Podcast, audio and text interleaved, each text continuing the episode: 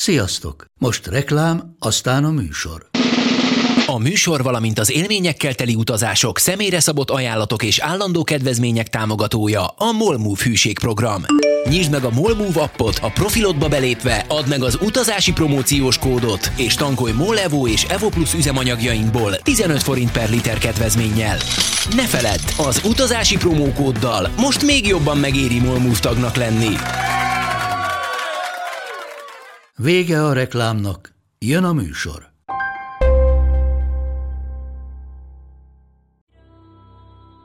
Sziasztok, drága hallgatók! Ez itt az Utazási Podcast első extra adása, amiben 30 Ritával, a sárga ruhás lányjal beszélgetek, egy kicsit másképpen, mint eddig. Rita ugyanis anyai örömök elé nézett. Hát szia Rita, üdvözöllek a műsorban. Hello. Ismerős a terep, voltunk már itt. Igen, már egy éve azt hiszem. Egy éve? Emlékszel? Szerintem egy éve volt, akkor voltam itthon utoljára. Uh-huh. Ezt gyorsan elmondom, ismét itt vagyunk az Ingame-ben, Klauzál utca 24-26, ha erre jártok, gyertek be egy kólára, egy viszkire, ki mire, illetve játszani. Játszottál te is most valamivel? Mi volt az? Egy ilyen érdekes játék volt, ilyen körkörös pálya, ahol én voltam egy világos pont, és el kellett jutnom a sötétbe. Mindenféle akadályokon keresztül, nagyon addiktív játék. Aha, meddig jutottál? Hányadik pályáig? Szerintem 5 vagy 6, Aha. és 22 van. Na, és akkor ezt is kipróbálhatjátok. Na hát Rita, egy éve találkoztunk itt utoljára, és hát ennek az egésznek az apropója az, hogy mi történt veled, veletek az utolsó időszakban. Hát született egy kislányunk, ez a legnagyobb hír. Uh-huh. Sokan már tudják, de igazából a várandóságot egyáltalán nem hirdettem, ezért nem is nagyon tudta senki. Ez így tudatos volt, hogy Igen. ezt megtartjátok magatoknak? Igen, én azt szerettem volna, hogyha ö, nem kell erről beszámolnom. Tehát, hogy ez így ilyen belső munka volt nekem ez az egész gyerekvállalás, mert én nagyon vágytam rá, és nagyon örültem neki, hogy ilyen hamar sikerült és ö, úgy voltam vele, hogy akkor tudok rá koncentrálni a legjobban, hogyha erről nem kell hírt adnom, beszámolnom, senki nem tudja, hogy mi van velem, ö, de egyébként azért sem voltam annyira jelen, így év elején sem, mert akkor attól még lehettem volna, mert sokat utaztunk, és ö, valahogy nem volt ö, rá se idő, se energia, tehát én a férjemmel akartam lenni, aztán utána jött a szülés és egyéb dolgok, akkor meg már azért nem, de most már egyre jobban visszatértem. Követők, olvasók nem hiányoltak? Vagy jöttek esetleg üzenetek, hogy Rita mi újság, hol vagytok, merre jársz, régen volt poszt?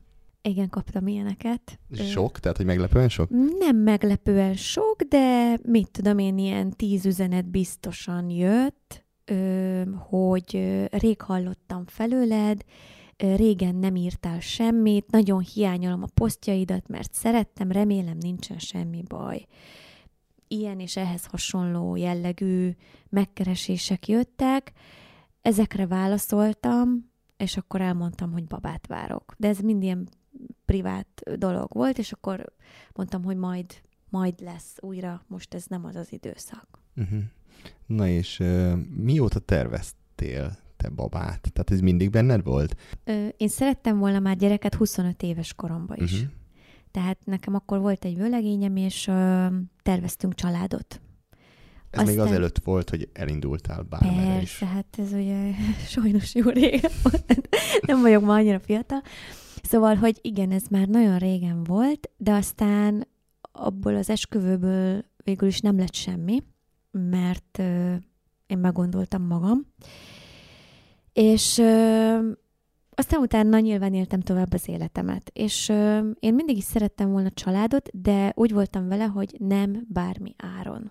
Uh-huh. Én boldog akarok lenni, én, én egy olyan családban szeretnék élni, ahol, ö, ahol szabad lehetek, ahol utazhatok, mondjuk akkor még nem volt ennyire tudatos, hogy utazni szerettem volna, de hogy úgy, hogy úgy jó legyen. Uh-huh.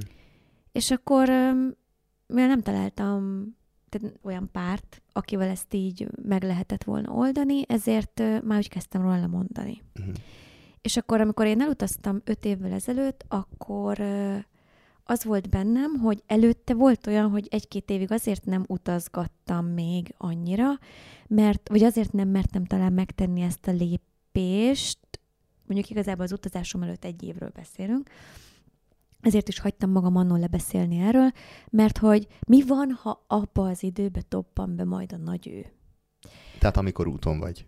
Amikor, hát amikor úton lennék. Uh-huh. Tehát, hogy mi van, hogyha én most, ha itthon maradtam volna, akkor találkoztam volna vele. Uh-huh. De aztán rájöttem, hogy mekkora hülye vagyok, már bocsánat, mert hogyha itthon vagyok a négy fal között, élem a kis konvencionális életemet, akkor egy olyan nagy ő fog betoppanni az életembe, aki ide passzol.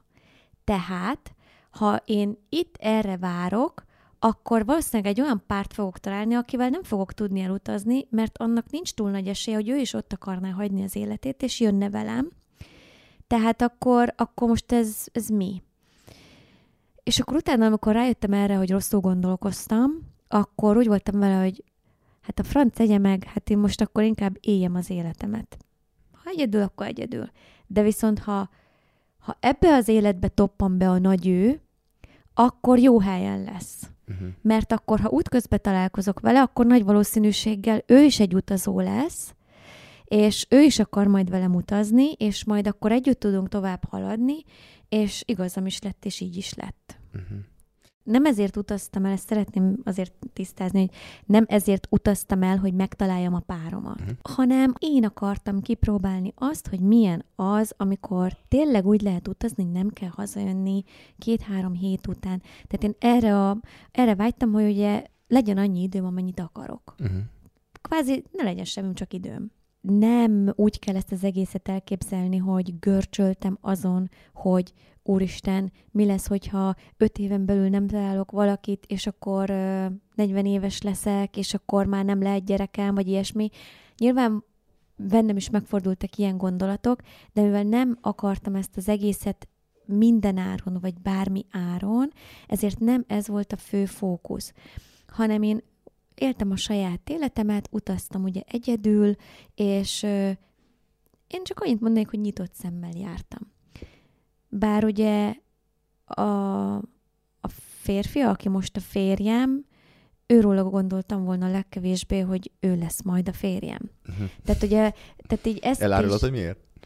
Azért, mert mielőtt mi személyesen is találkoztunk, ö, már ismertük egymást ö, így WhatsAppon, Uh-huh. Méghozzá azért, mert ő is Indonéziában élt már évek óta. Csak Nem egy, mondhatjuk, hogy ő magyar. egy magyar fiú, igen, csak ő egy másik szigeten lakott. Én ugye Balin éltem, ő, ő tök máshol, de lényegében így ő is utazgatott, és fedezte fel Indonéziát, fotózgatott, filmet készített, tehát kvázi ugyanazt csinálta, mint én, csak nem blogolt. És akkor én azért kerültem vele kapcsolatba, mert ö, ugye a magyarok azért tudnak így egymásról kint, és akkor egy közös ismerősünknek írtam, hogy ö, tud-e valakit, aki ebben a városban él, mert szükségem lenne segítségre. És ő vele kötött össze. De ez a megismerkedés, tehát személyes találkozásunk előtt volt egy évvel.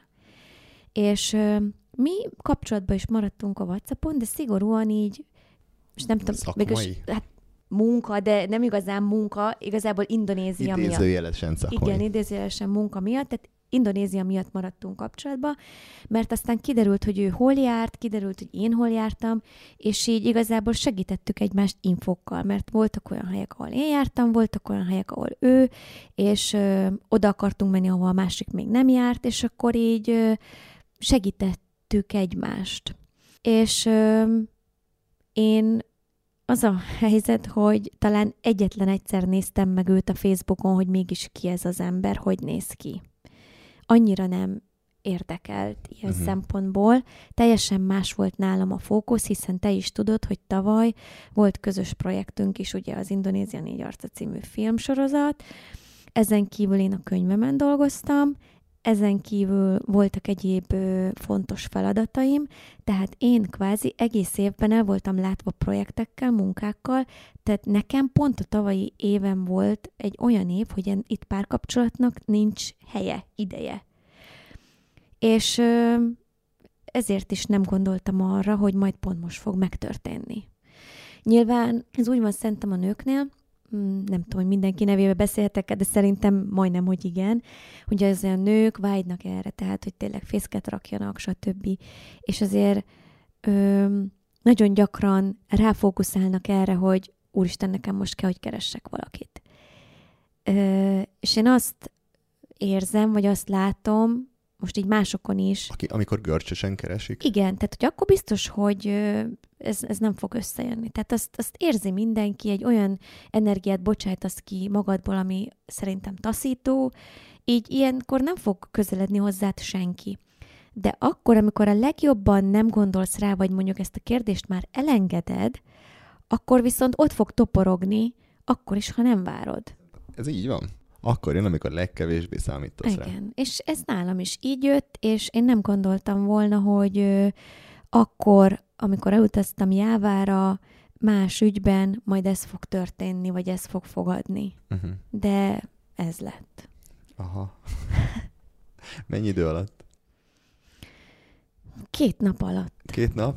Tehát a mi megismer, tehát a mi személyes talál, tehát hogy jó, tehát ugye mi ismertük egymást már előtte egy éve, így írogattunk ugye egymásnak, tehát ö, tudtam nagyjából, hogy ö, ő milyen, vagy hogy mennyire számíthatok rá, vagy ilyesmi. De aztán még akkor sem gondoltam volna, hogy ez lesz az egészből, amikor személyesen találkoztunk első nap, és mondjuk ő vett fel a reptéren, és segített nekem szállást keresni, vagy, vagy szintén segített valami másban hanem így tényleg szinte így pár nap alatt ez az ő részéről nagyon gyorsan kiderült, én pedig azt mondom, hogy így hagytam magam sodródni, még akkor is, hogyha tényleg nem volt erre úgy időm. Tehát akkor, akkor tényleg nem nagyon tudtam vele foglalkozni, és mégis így lett. Szóval szerintem ennek így kellett lennie. Uh-huh. És utána nem sokkal később, vagy nem tudom mennyi idővel később elmentetek közösen már Fülöp-szigetekre, ha minden igaz. Igen, igen, tehát hogy nekünk Vagy az, az sok idő eltelt? Nem olyan sok idő telt el, hanem igazából az történt, hogy amikor ugye elmentem Jávára, és onnan elmentem vissza Balira, akkor ő már jött velem. Tehát kvázi nagyon gyorsan hozzám költözött, és akkor már együtt laktunk Balin. Mint pár már akkor. Igen, uh-huh. igen. Aztán én ugye utána csináltam tovább a munkáimat, befejeztem a projektjeimet. Majd nekem haza kellett jönnöm novemberbe. Ugye a filmünk miatt is, de nekem novemberre Járatlan már... utakon fesztivál. Járatlan utakon uh-huh. fesztivál, de igazából én novemberre már megvettem a jegyemet nagyon korán, még talán áprilisba, mert tudtam, hogy lesz a könyvbemutatom. Ekkor találkoztunk, akkor ilyenkor mondtad, hogy hát párkapcsolatban vagy.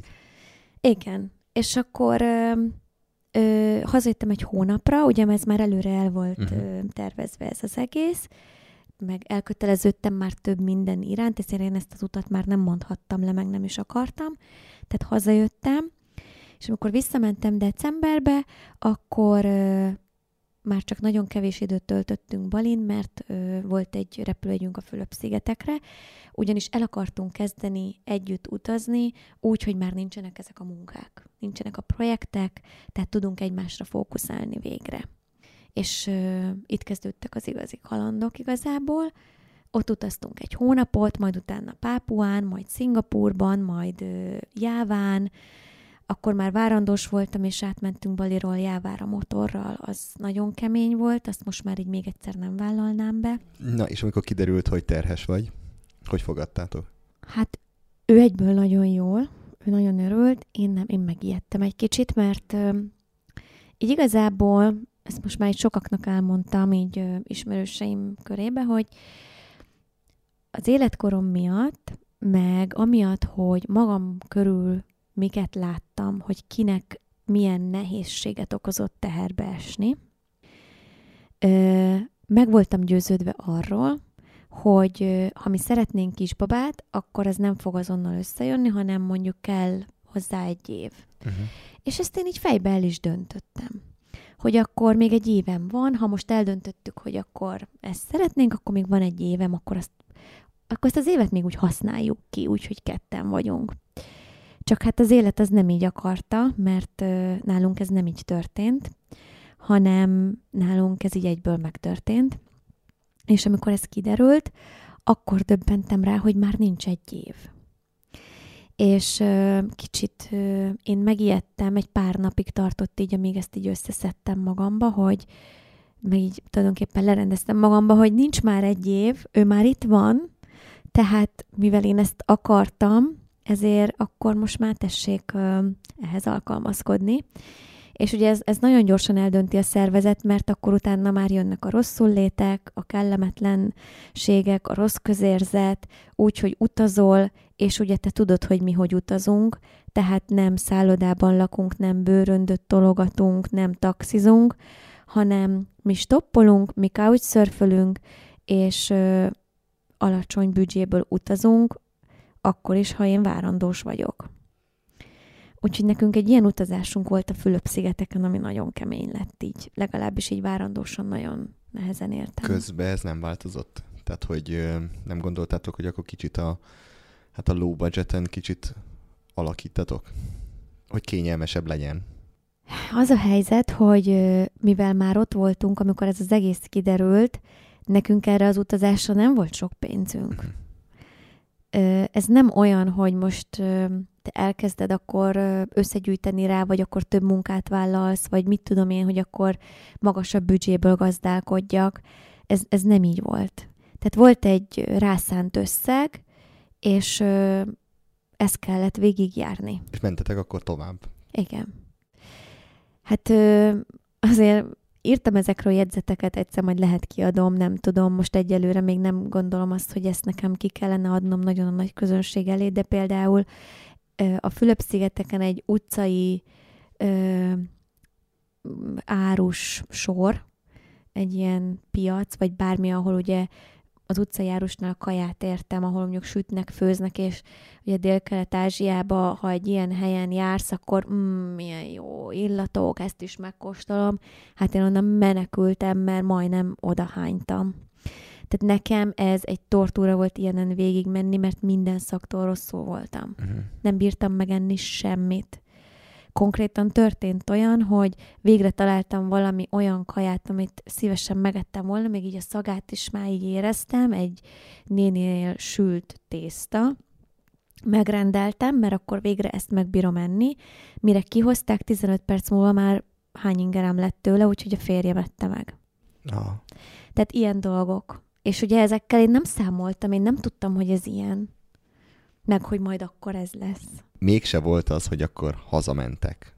Oké, okay, nem így terveztük, de visszamegyünk Balira, kényelmes, ismerjük, és nyugiba, nem? Hát volt egy olyan pont, mert ez a Fülöp-szigeteki utazás, ez nagyon sok ponton ö, megpróbáltatás volt. Ez akkor is az lett volna, hogyha ö, ha nem vagy nincs terhes. útban a baba. Uh-huh.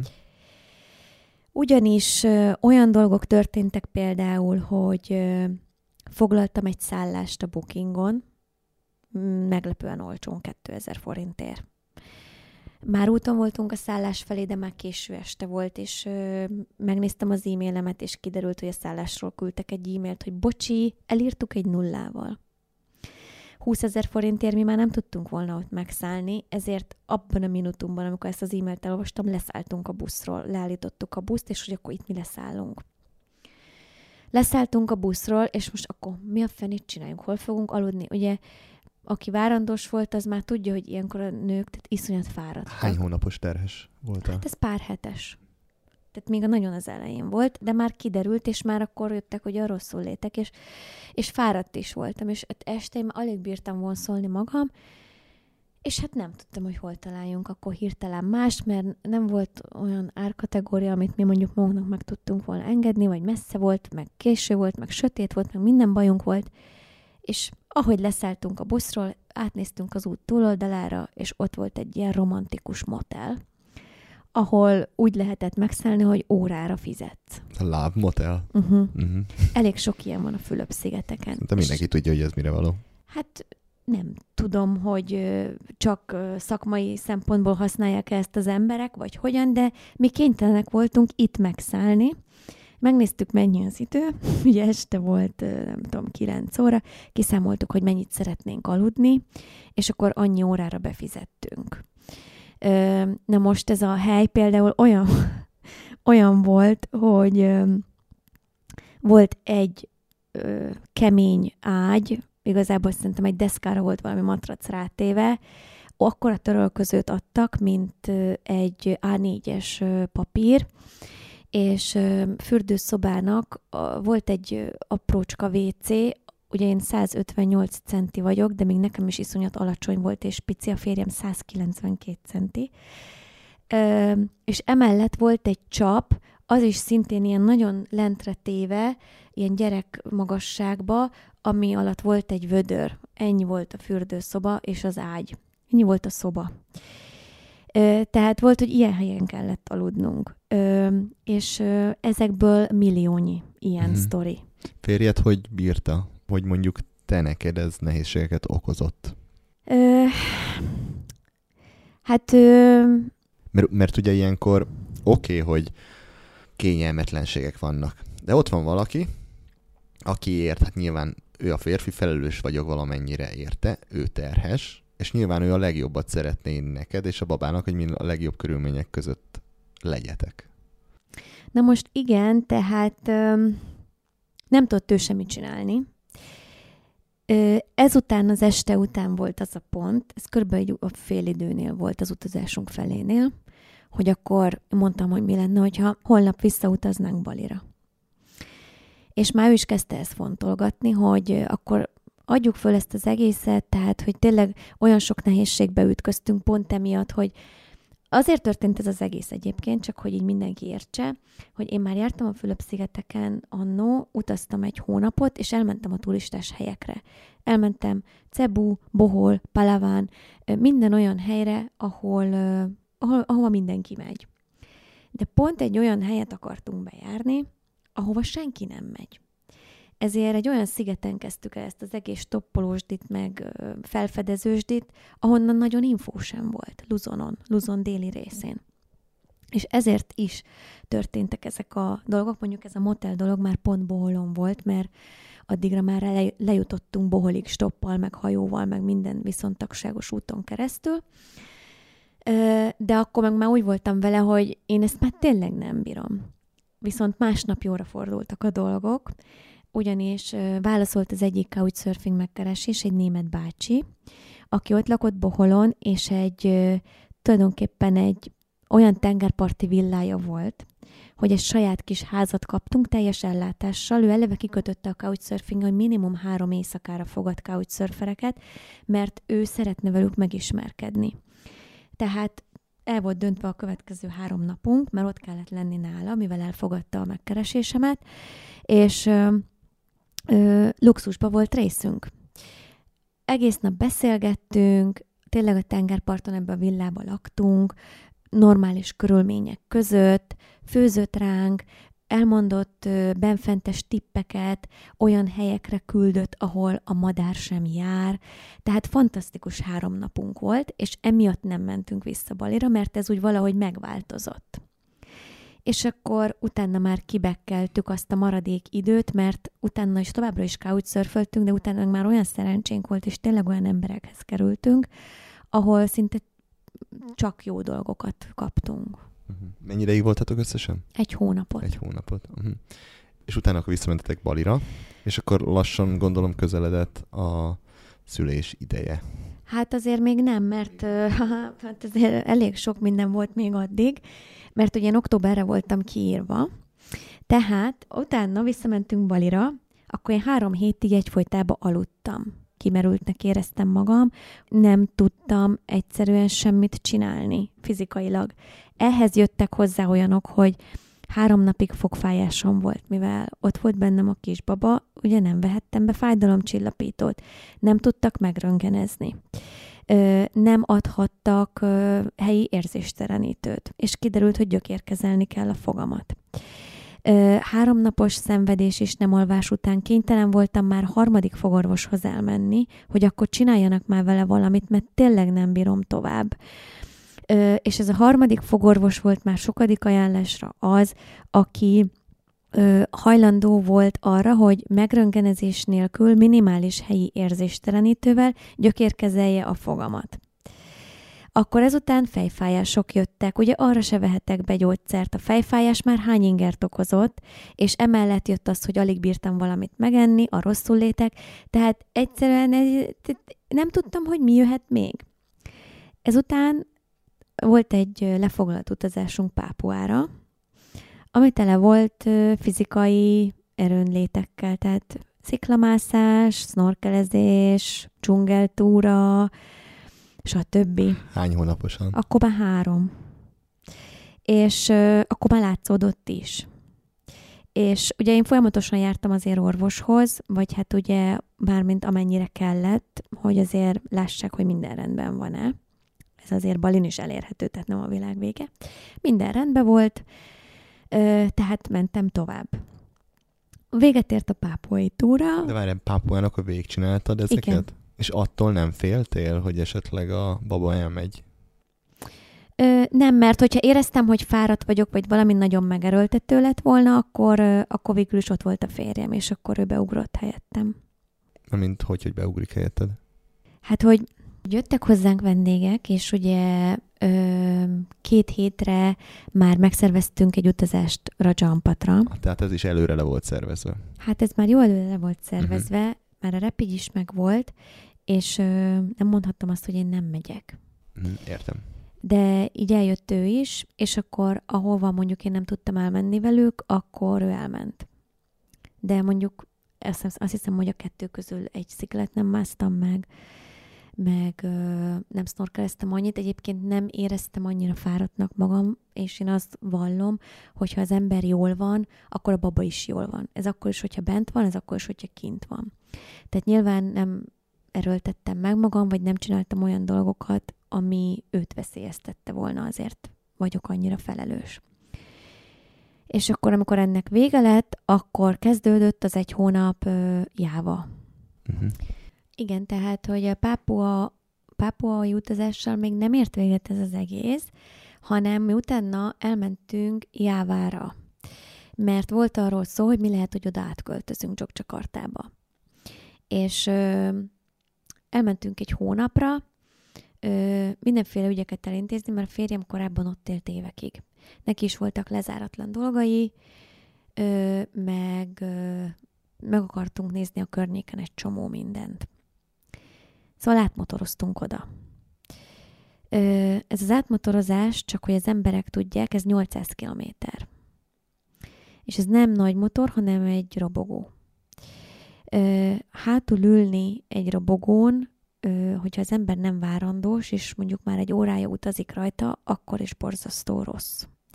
Fáj mindene, össze-vissza mozog, ö, még mielőtt valaki azt gondolja, hogy felelőtlen vagyok, mert tudom, hogy Magyarországon azt mondják, hogy ha valaki várandós, már ne biciklizzen, ne motorozzon, stb. Tisztában vagyok ezzel, de mi Indonéziában élünk, éltünk.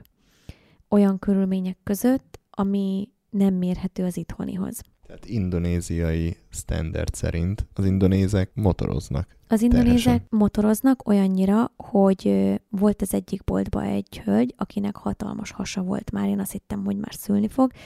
Megkérdeztem tőle, hogy mennyi idős terhes, mondta, hogy 7 hónapos.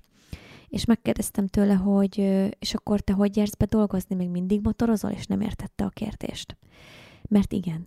Tehát, hogy nincs más választás, és ő nem úgy, hogy a férje mögött ül, hanem hogy ő vezet. Tehát helyi viszonyok között nem nagyon volt másra lehetőség. Ez csak a magyar szemléletben fura, vagy felelőtlen. Igen, én azt mondod. megkérdeztem a kinti orvost is. Uh-huh. És mivel ő orvos, nőgyógyász, ő hozzájártam ultrahangra, megkérdeztem, hogy, hogy akkor ez, ezzel most mit csináljunk, mert ugye az én országomban kicsit máshogy vélekednek erről, és azt mondta, hogy nyugodtan lehet motorozni. Tehát nyilván ő a helyi viszonyokhoz képest reagálta le a kérdésemet. De most ez nem azt jelenti, hogy az ember elmotorozzon Baliról Jávára. És ezt éreztem is, úgyhogy útközben ö, a férjem egy ilyen utat megtesz 17 óra alatt megállás nélkül. De ő őrült. Én nem vagyok ilyen, és nyilván ő sem várt el, hogy ezt most így csináljuk, hanem úgy döntöttünk, hogy lesz, amennyi lesz. Majd megszállunk útközben, majd megpihenünk, többször pihentünk, többször megálltunk. De én nem tudtam felmérni előre, hogy ez mivel jár, ugyanis én jáván még nem motoroztam. Jáván a, a forgalom, az utak sokkal rosszabbak, mint Indonéziában sok helyen, tehát mint mondjuk Balin rossz az út, tele van kátyúval, nagy a forgalom, nem lehet kikerülni, őrültebben vezetnek az emberek, nagyok a távolságok, mit tudom én, minden faluba égetik a szemetet, akkor ugye az is zavaró, hogy ott az a mérkező füst, amin át kell menni motorral, és a többi, és a többi. Én ezt egy napig bírtam, és utána mondtam, hogy én, én ezt szerintem nem csinálom tovább, tehát ő menjen el csak csakartáig motorral, engem pedig fölrakott a vonatra. Úgyhogy ez, ez így zajlott. Ilyenkor ti már terveztétek, hogy, vagy gondolkodtatok azon, hogy hol fogtok élni? Azon még mindig gondolkozunk. És azt, hogy mondjuk a, a terhességnek az utolsó időszakát hol fogjátok tölteni, és hogy hol szeretnél szülni? Az már előtte kiderült, ugyanis amikor kiderült, hogy hogy babát várunk, akkor átgondoltuk azt, hogy hol, hol lenne jó neki, ha megszületne.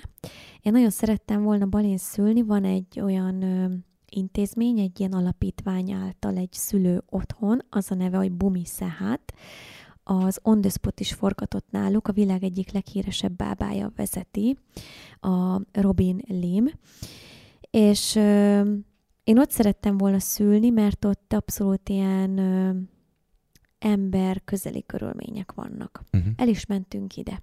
Megérdeklődtük, megnéztük a helyet, megérdeklődtünk, hogy mik a, körül, mik a feltételek, mennyibe kerül, stb. Majd ö, pár héttel később felhívtuk a kinti magyar nagykövetséget, hogy akkor mi a helyzet a papírokkal. Ha mi kint szülünk, ez hogy zajlik? Útlevél, vízum, a babának, stb. És ö, már a, az elmagyarázás felénél úgy voltunk vele, hogy mi ezt nem vállaljuk be. Mármint amit ők mondtak, hogy mi mindent kell megcsinálni? Hogy mi, igen, tehát hogy ez mivel jár. Tehát ugye, hogy megszületik a gyerek, utána kiállítanak egy születési levelet. A születési levéllel el kell menni a helyi ö, nem tudom melyik irodába, ahol majd kiállítanak egy születési anyagkönyvi kivonatot. Majd utána a születési anyagkönyvi kivonattal el kell mennünk Jakartába, mind a hármunknak, tehát kvázi egy újszülött babával, bemutatni, hogy igen, ő az, ő a mi gyerekünk, elindítani az útlevél procedúrát, bizonyítva, hogy mi vagyunk a szülei. Ugye szerencsésen, ha össze vagyunk házasodva, akkor minden oké, okay, ha nem, akkor ez nagyon megbonyolítja a dolgokat, uh-huh. akkor ugye csak az anya nevére kerülhet a gyerek, csak az anya, csak az anya, tehát az apát el se ismerik. Hogyha Indonéziában születik, akkor automatikusan megkapja az indonéz nem. állampolgárságot, nem? Nem. Indonéziában ö, elismerik a kettős állampolgárságot a gyerek 18 éves koráig, abban az esetben, ha az egyik szülője indonéz. Ha mind a két szülője magyar, erről szó sem lehet, a gyerek csak magyar lehet de kvázi, amíg nincsenek papírjai, tehát amíg ezt az egészet nem intézed el, addig ő papíron indonéz, mégiscsak, mert hogy ott született, Na de ugye ez, ez idáig oké, okay, csak ugye ezek a papírok mind indonéz nyelven íródnak, tehát mindent hitelesen fordítatni kell majd magyarra is, majd utána útlevélkérelem, annak van egy átfutási ideje, ami elég hosszú, akár 60 nap is lehet.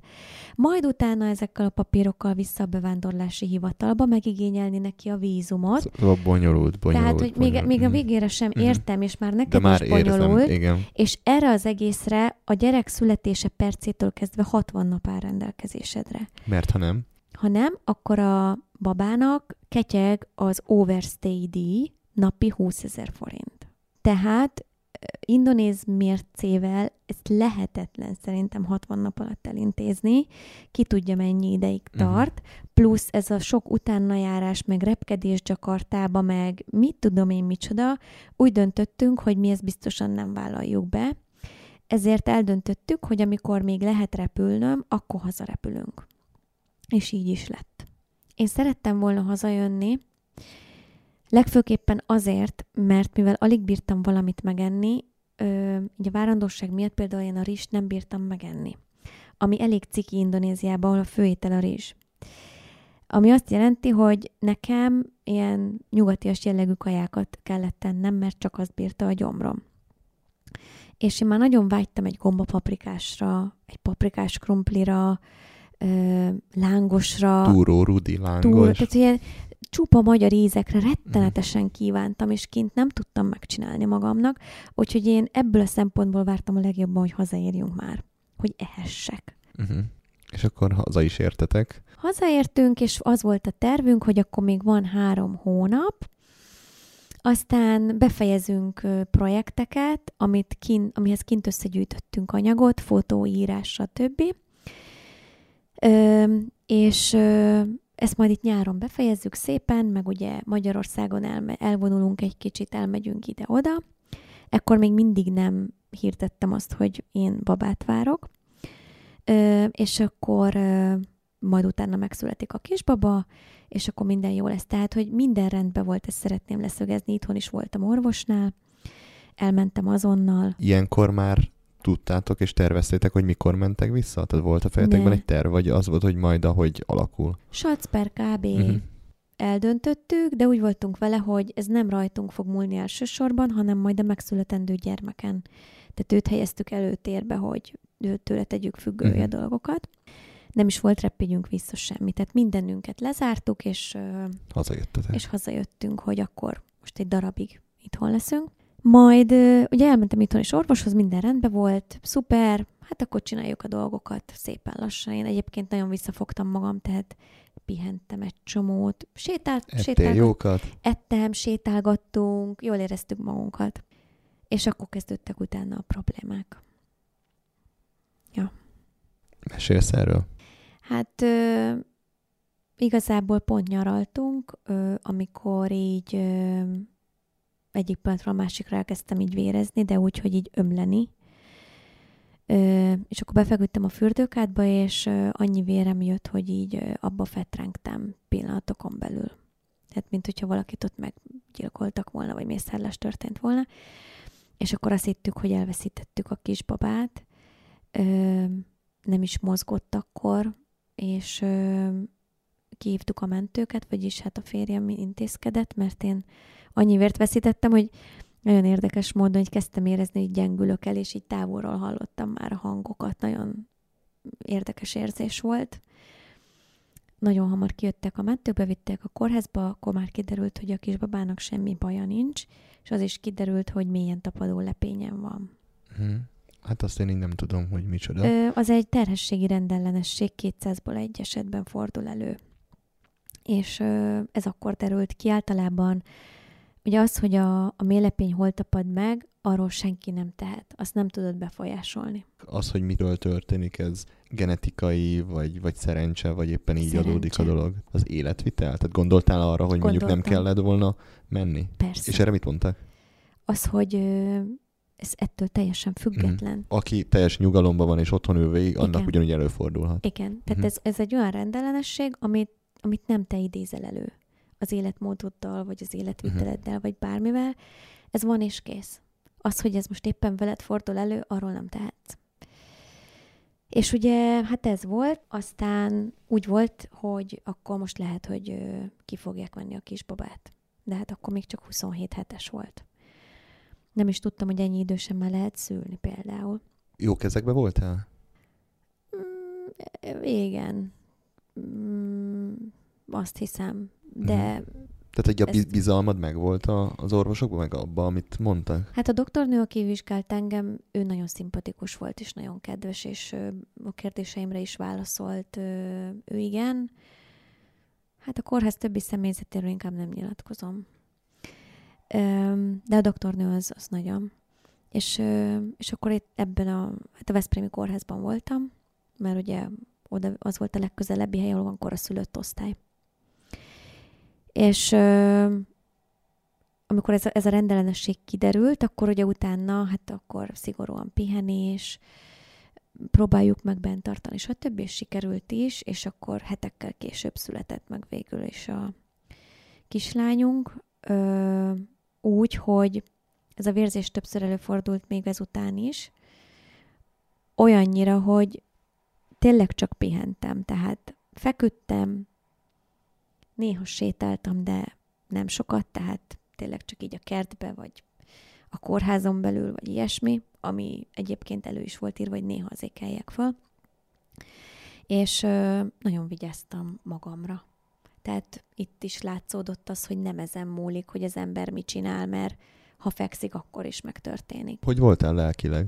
Nagyon szarul. Tehát ö, fogalmam sem volt, hogy mi lesz, és csak arra gondoltam, hogy ez a kisbaba, ez jól legyen, tehát neki ne legyen semmi baja. Tehát ezért én mindent megtettem.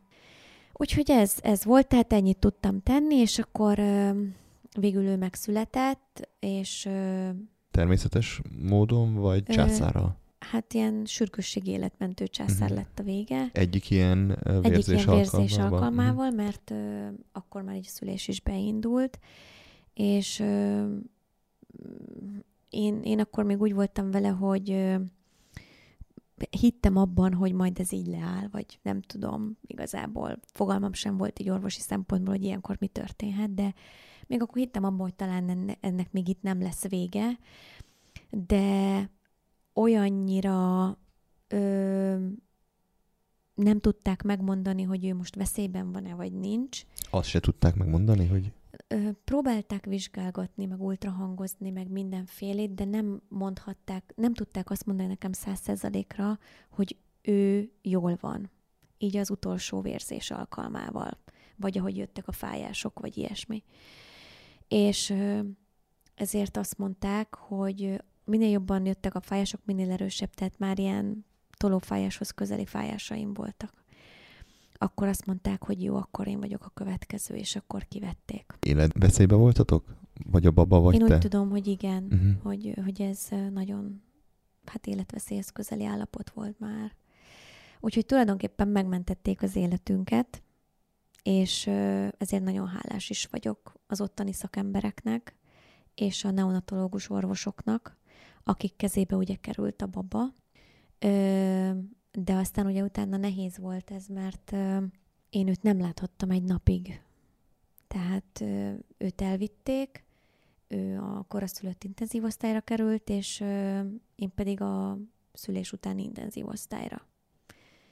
És annyira szigorúak voltak velem, hogy csak akkor engedtek le a terhes patológiai osztályra, hogyha önellátóvá válok. Tehát ott volt egy friss seb rajtam, és mivel altattak, ezért órákkal később tértem magamhoz, a lelki fájdalmaim, a fizikai fájdalmaim, olyannyira, hogy szerintem így jajgattam, tehát nagyon fájt, és ki kellett mennem egyedül zuhanyozni, ö, pisilni. Ez azért, mert nem volt kis segítsem, vagy ez volt az előírás, hogy te saját magad, Ez volt az előírás. hogy te neked A mozognod kell? nővér és csinálni? nem segíthetett, végignézhette azt, hogy én egyedül oda kimegyek, megfürdök, ö, eszek, fölülök, stb. Mert ha nem vagyok önállátó, akkor nem mehetek le a terhes patológia osztályra, és addig nem láthatom a gyerekemet. Én nem mondom meg, hogy ez melyik kórház volt, mert ebből a szempontból nagyon haragszom rájuk. Ö, és szerintem ezt nem így kéne csinálni, hanem, hanem mondjuk én azt csináltam volna, hogy beültetnek egy tolosszékbe, és levisznek, hogy legalább láthassam őt, de erre nem volt mód. Úgyhogy összeszedtem minden erőmet, és amikor éreztem az orvosnak, hogy iszonyúan fáj a sebem, akkor erre arra volt a válasz, hogy milyen alacsony a fájdalom küszöböm, meg hogy már mennyi fájdalomcsillapítót kaptam, és fogta, és felhajtotta a ruhámat, és így a nyílt sebre, vagy hát nem nyílt, mert ugye akkor össze volt varva, így jó rányomott. Hogy mi az, hogy fáj, hol fáj. És elkezdte nyomogatni. Mi a baj? hát én azt hittem, hogy beszarok, ma bocsánat. Tehát, hogy tehát olyan dolgok voltak ott, hogy így elképesztő. Tényleg, elképesztő dolgok. És úgy voltam vele, hogy jó, mindegy, innen csak el. Tehát én nem akarok itt ezen az osztályon maradni. Uh-huh. Bocsánat, még egy kérdés, amikor felébredtél az altatásból, akkor mi volt az első gondolatod? Hát, hogy mi van a gyerekemmel? Uh-huh. Hol van? Hogy néz ki? Tehát akkor te semmit nem, tud, semmit nem tudtál? Ö, a férjemet beengedték egy órára látogatni, egyetlen egy órára, ö, de akkor még szerintem nem voltam magamnál, mert emlékszem néhány szóra talán, amiket ő így mondogatott, de nincs meg teljesen az egész. Uh-huh. Annyi talán megmaradt, hogy kislány, ö, és hogy, mert ugye nem tudtuk egészen addig, hogy mi lesz, nem, de akartuk tudni, és, ö, és azt, hogy jól van, és, ö, és igen, tehát, hogy ő már látta, és hogy milyen szép, meg uh-huh. hogy mekkora, meg mit tudom én. Tehát, hogy ezek azt hiszem így megvannak, de most már nem tudok visszaemlékezni arra, hogy ez tőle van meg, amikor akkor mondta, vagy utána, amit én magamtól, tehát nem tudom már. Akkor még nem voltam teljesen magamnál, amikor ő, ő bejött hozzám. Csak azt tudtam, hogy oké, okay, akkor nekem valahogy föl kell kelnem. És emlékszem rá, hogy nagy nehezen felültem, és ott ültem, nem tudom meddig, nem tudom mennyi idő telt el, amíg össze tudtam szedni úgy az erőmet, hogy lábra tudtam állni. Hogy egyáltalán egy lépést megtegyek. Szerintem aki, akinek már volt ilyen műtétje, az tudja, hogy milyen ez. És akkor így egy napig tartott ez, tehát másnap ö, levittek. Amikor az egyik nővérnek bebizonyítottam, hogy ki tudok menni zuhanyozni. Akkor, akkor utána levittek. És akkor nagy nehezen, akkor már ott volt a férjem, és belé kapaszkodtam, és ő átvitt hozzá, és akkor láttam először. Szóval hogy ezután ö, szerintem egy koraszülött anyának az a legnehezebb, vagy akár apának is, hogy ö, ő is tudjon tenni valamit a gyerekéért. Ez egy trauma, ezt mindenkinek fel kell valahogy dolgoznia, de az a tehetetlenség, amit ilyenkor a szülő érez, hogy, hogy egy gyerek az inkubátorban van, és a neonatológus orvosok, nővérek gondoskodnak róla, valamilyen feladatot nekem is kell adni.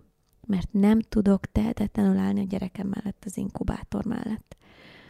És ilyenkor az egy anyának ilyenkor az a feladata, hogy fejje a tejét. Mennyi ideig volt a babátok inkubátorban? Hat hétig. Hat hét. Vagyis kórházban volt hat hétig. Inkubátorban azt hiszem csak három hétig, most nem emlékszem pontosan, mert két kórházba is voltunk, mm-hmm. mert két hét után átszállítottak minket a koraszülött mentővel egy másik kórházba, ahol még szintén inkubátorban volt egy ideig, azt hiszem egy hétig, de lehet, hogy tíz napig. És az állapota milyen volt ez alatt az idő alatt? Hál' Istennek ő soha nem volt veszélyben, uh-huh. nagyon jó értékekkel született, a korának megfelelő súlyjal és érettséggel. Azért még itt hozzá kell tenni azt, hogy amikor felmerül a koraszülés gyanúja, még azért elmondom azt, hogy Magyarországon minden tizedik terhesség koraszüléssel végződik. Ez szerintem nagyon sok ezzel ekkor szembesültem. És ugye a koraszülés, akkor koraszülés, hogyha egy baba a 37. várandósági hét előtt születik meg. És ez a koraszülés, ez lehet már a 24. héttől egészen a 37-ig, bármikor. És amikor felmerül ennek a gyanúja, akkor a kórházban az anyukának beadnak egy szteroidos inekciót, ami egy bizonyos tüdő érlelő. Tehát a babának a tüdejét elkezdi iszonyatos iramban fejleszteni, hogyha megszületik, akkor jobb esélyei legyenek. Nálunk, mivel ezt megkaptam a Veszprémi kórházban, és utána még ugye hetekig sikerült őt bent tartani, nálunk ez működött, tehát valószínűleg ezért is született sokkal jobb értékekkel. És nagyon szépen, nagyon gyors iramban fejlődött, megfejlődik most is, tehát igazából most már így abszolút így a korának megfelelő állapotban van, mm. és semmi baja nincsen. Ezt örömmel halljuk, és hogy hallom, hogy az élni akarás az hatalmas benne, még nagyobb, mint bennetek. Szerintem igen. Ez, ez, ez néha így viccelődünk azzal, hogy lehet, hogy már nem bírja kivárni azt, hogy már menjünk vissza Indonéziába, és ezért sietett annyira. Azzal is szoktam viccelődni, hogy nem az a horoszkópi egy akart lenni, amiben meg kellett volna születnie, hanem egy másik, meg ilyesmi. Hát nyilván ezek csak ilyen ö, sebgyógyítások magamnak. Hát akkor most már jól vagytok. Amióta kijöttünk a kórházból, egyre jobban, igen. Szuper. Arra gondoltatok, hogy mi lett volna, ha Balin maradtok? Persze. Jaj, hát ebben nem nagyon mertem mélyen belegondolni, de persze, hogy gondoltam rá. Ö, nem tudom. Azért azt hozzá kell tennem, hogy szerintem Magyarországon a koraszülött ellátás, ez az intenzív koraszülött ellátás, ö, szerintem egész Európában mondhatom, hogy talán a legjobb. Úgyhogy én szerintem a Jóisten keze volt abban, hogy mi ide kerüljünk, ö, és itthon legyünk, és ezt a döntést hozzuk meg. Ugyanis nem vagyok abban biztos, hogy ilyen jó ellátás lett volna Indonéziában. Beszélünk a jövőről. Lesz-e sárga ruhás kis, kis utazó? Persze. hát ilyen kisebb utakra már most is elvittük, mint például én ugye vidéki vagyok, Uh-huh. és szoktam vele vonatozni. Bár egyszer szoptattam meg még csak a vonaton, de amúgy végig szokta aludni. És elmentünk a Szentgyörgy-hegyre is már vele pár napra. Azt vettük észre, hogy ezeket a vidéki kirándulásokat szereti, mármint a jó levegőt, úgy értem. Ö, Mi nem használunk babakocsit, ö, hanem magunkra szoktuk kötni kendőben, és hordozzuk mindenhová. Ezért ö, tulajdonképpen ezzel nagyon könnyű közlekedni, és nem akadály semmi. Egy lépcső a buszon, egy lépcső a vonaton, nem kell fölvitetni valakivel a babakocsit, ilyesmi.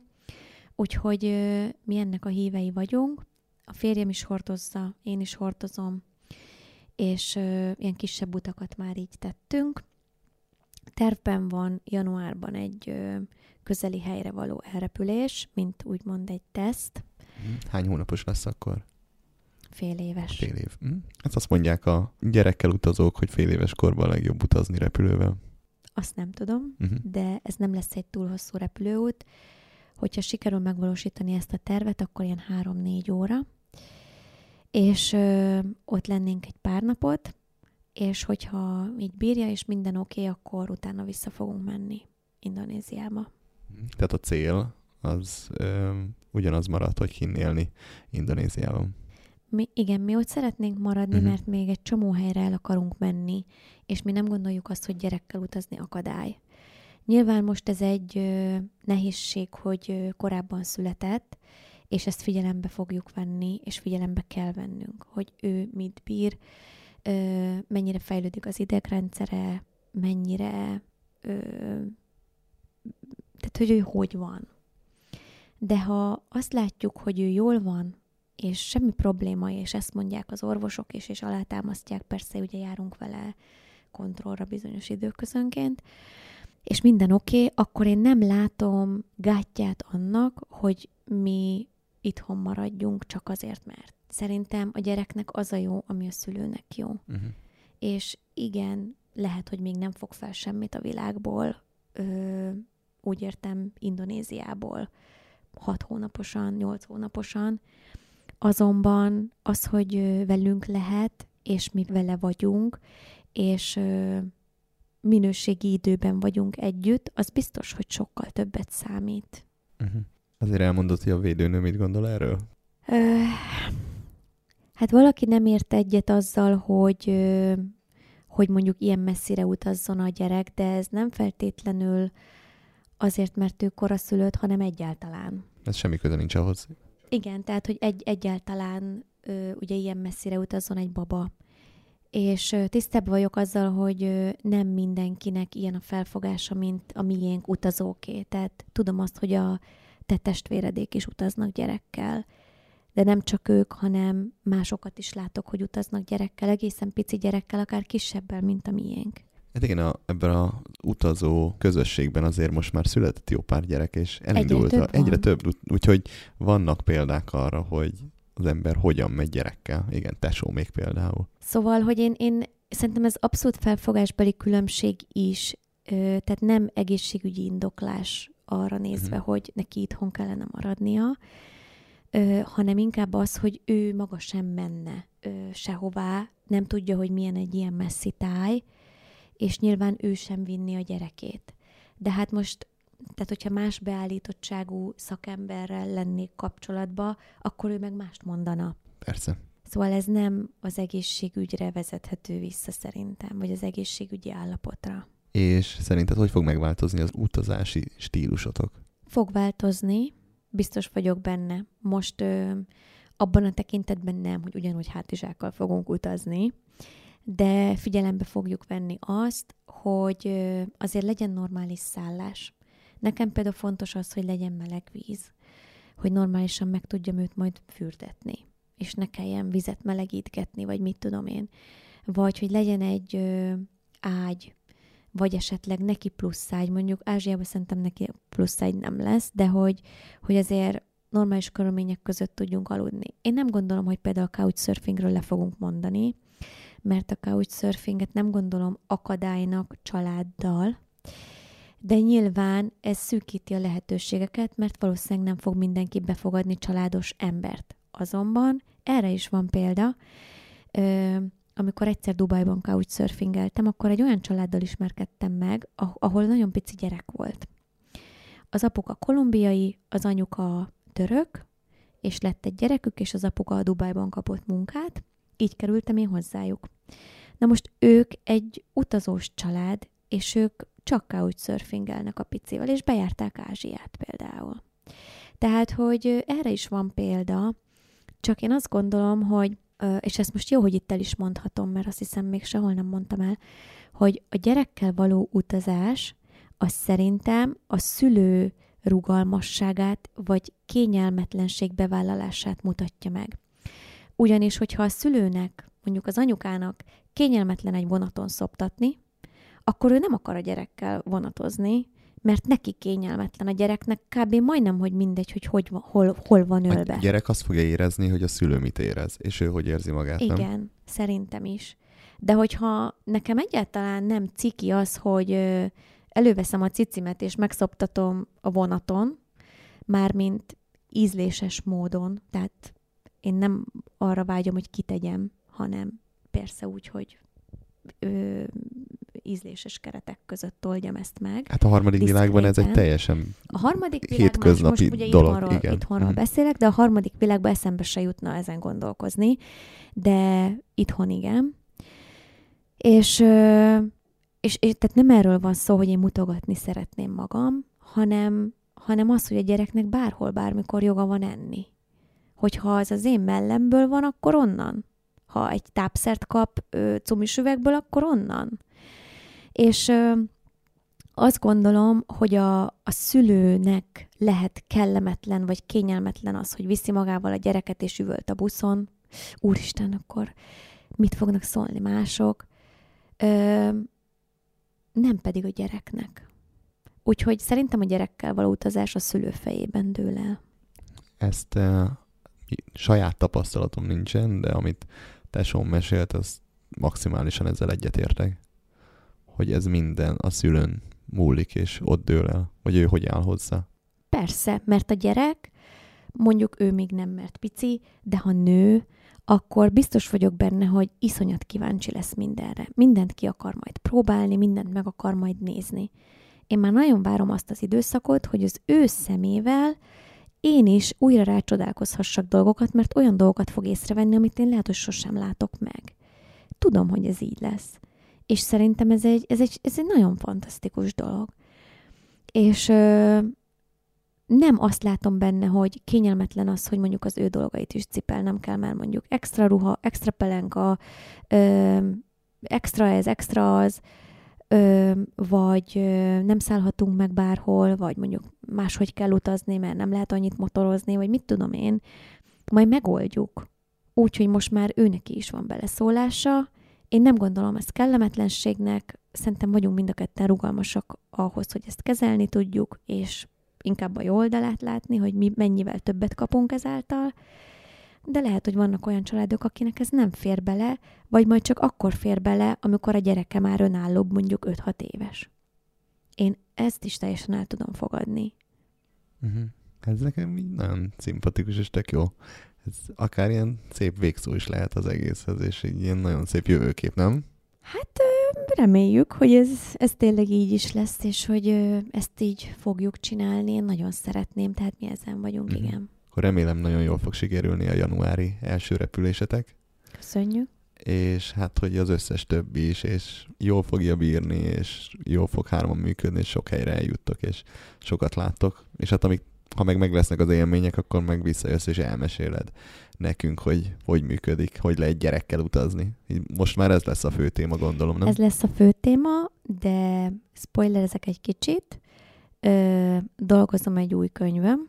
Nem tudom, hogy mikor fogom uh-huh. tudni befejezni, de nagyon szeretném jövő ilyenkorra. Tehát amiatt ö, lehet, hogy majd tényleg hazajövök, és akkor tudok is mesélni személyesen. Uh-huh. Téma? Titok? Majd. Majd. Jó. Gondolom időben meg tudjuk. Igen. Jól van. Bármi végére még maradt benned? Szerintem most ez így, így hirtelen így elég volt, így minden kijött.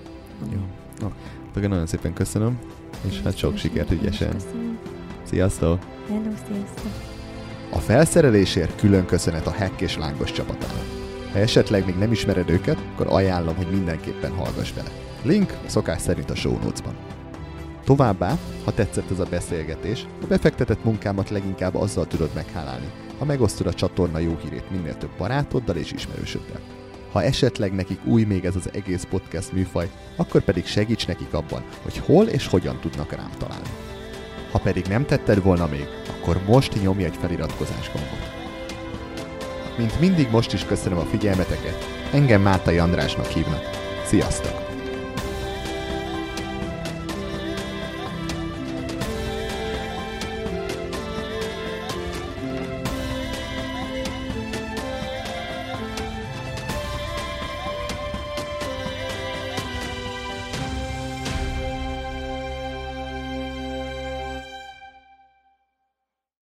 Ha más podcastekre is kíváncsi vagy, hallgassd meg a Béton műsor ajánlóját. El tudod képzelni, hogy a podcastet, amit éppen most hallgattál, fél év múlva már a mesterséges intelligencia generálja? Mi sem. De ha érdekel, eljött már a gépek lázadása. Hallgass bele az Embertelen podcastbe. Orsós Lajos vagyok, a műsor házigazdája. Egyelőre még élőben. Egyelőre. Fedezzük fel együtt, hogyan ismerkedik, randizik, mesél és vitatkozik Betty és Péter, két teljesen mesterséges intelligencia. Lajos, a podcast címét mond még egyszer, Léci. Oké. Okay. Embertelen podcast. Ez a műsor a Béton közösség tagja.